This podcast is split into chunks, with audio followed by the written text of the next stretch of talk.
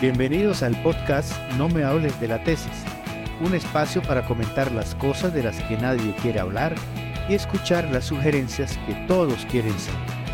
Con la psicóloga y experta en investigación, Jacqueline Hurtado de Barrera.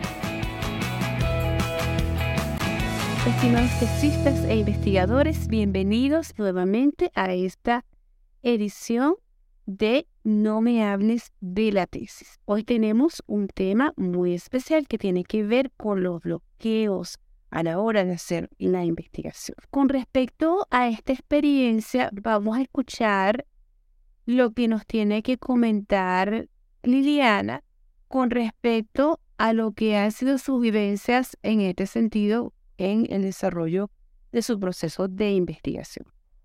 Cuéntanos, por favor, Liliana, si en algún momento te has sentido bloqueada en el desarrollo de tu proceso de investigación.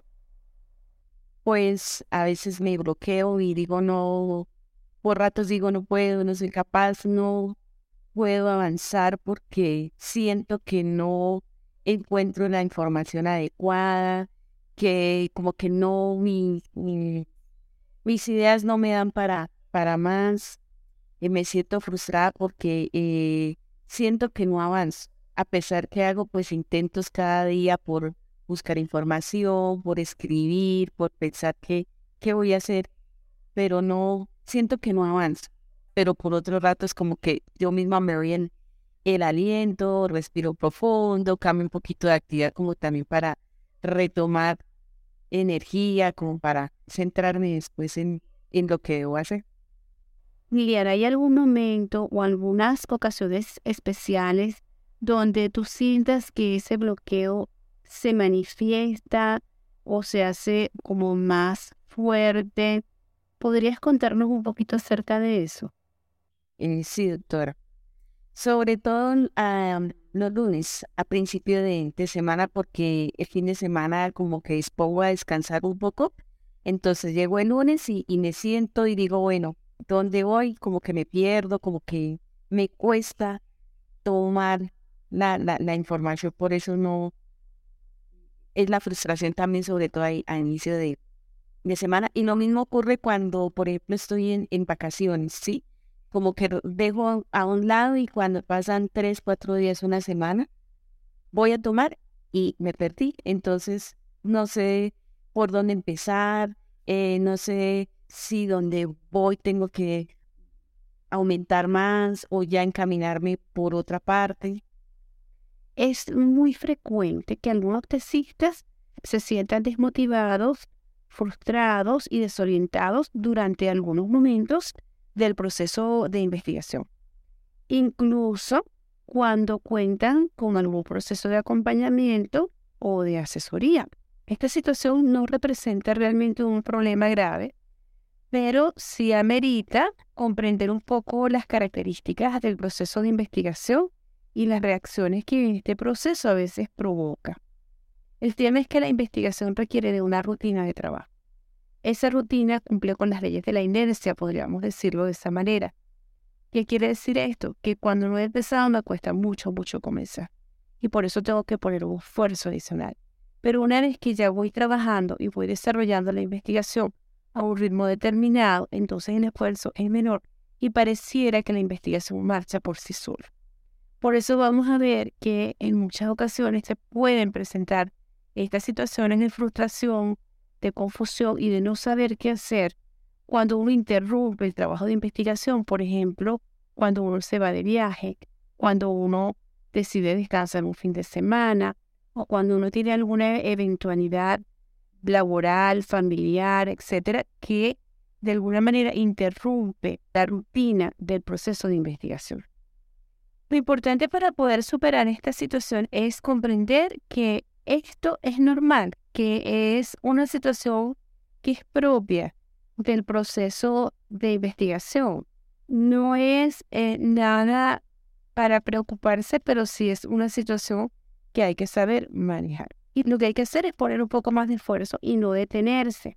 Liliana, por favor, cuéntanos qué sueles hacer cuando tienes estos bloqueos para poder superarlos y poder seguir adelante. Pues primero, como que me hago a otro lugar, respiro profundo, tomo agua, tomo cinco minuticos como para relajarme y concentrarme y vuelvo otra vez.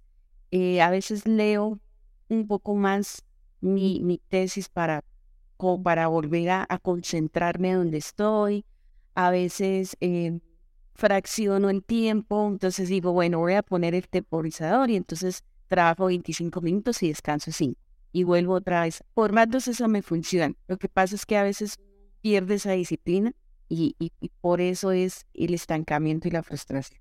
Ciertamente lo que nos plantea Lilian es muy importante. Una de las técnicas para retomar nuevamente el hilo de lo que se está haciendo es comenzar a leer nuevamente lo que ya hemos hecho. Eso nos permite retomar el hilo y ponernos al día en cuanto a el estado en el que se encuentra el trabajo y a partir de qué punto podemos seguir avanzando. Es fundamental tener la voluntad de persistir, porque se sabe que esa sensación de no poder, de sentirse bloqueado, de sentirse frustrado, es muy desagradable. Entonces, el tener que lidiar con esa sensación hace que la persona, en lugar de enfrentarla, evada el trabajo y comience a realizar otras actividades que sirven de excusa perfecta para no tener que volver al trabajo de investigación.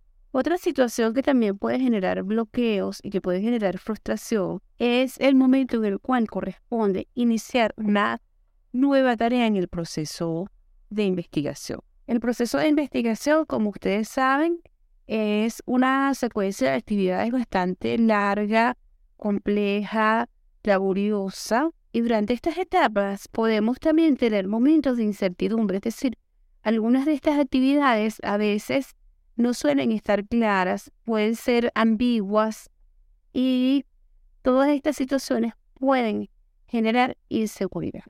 Lo cierto es que cada una de las secuencias o de las fases de la investigación implica resolver una serie de retos. Y lo más curioso es que una vez que uno resuelve un reto y piensa que ya tiene las competencias, las habilidades y que todo lo que viene va a ser mucho más sencillo, es todo lo contrario. Es decir, resolvemos un reto y luego aparece un nuevo reto.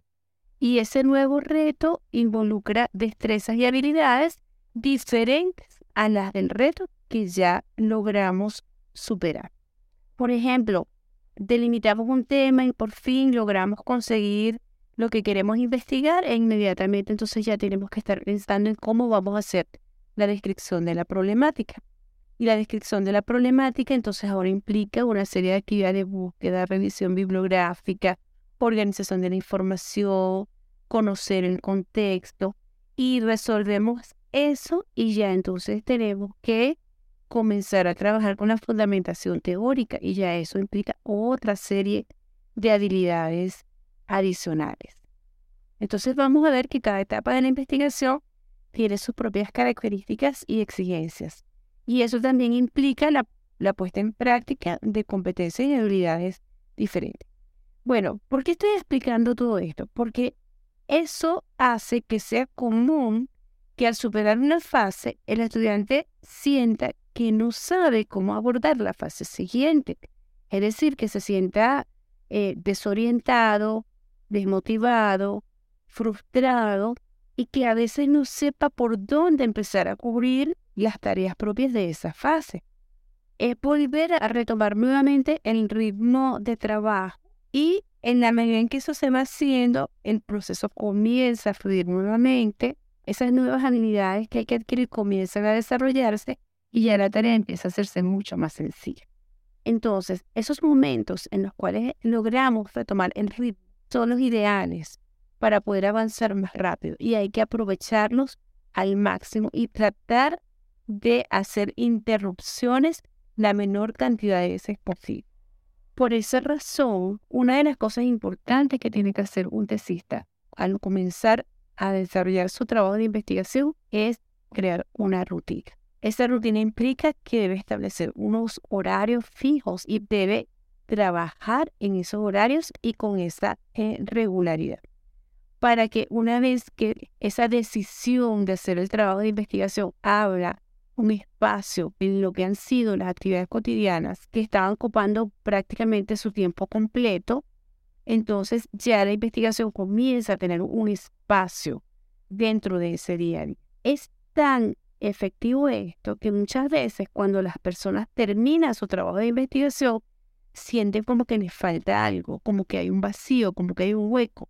¿Por qué? Porque entonces ahora ese espacio que ocupaba el trabajo queda libre, hasta que las ocupaciones cotidianas vuelven nuevamente a repoblar ese espacio que dejó el trabajo de investigación. Muchas gracias Viviana por habernos acompañado en este espacio y por haber compartido tu experiencia con nosotros. Y gracias a todos los tesistas e investigadores que han estado también acompañándonos en estas sesiones para conversar sobre aquellos temas que son difíciles y que a veces nos desaniman o nos desmotivan. Sigan adelante con todo el ánimo del mundo. Nos vemos en una próxima edición. Recuerden chequear la descripción del audio y nos encontramos próximamente. Se despide de ustedes Jacqueline Brutado de Barreto.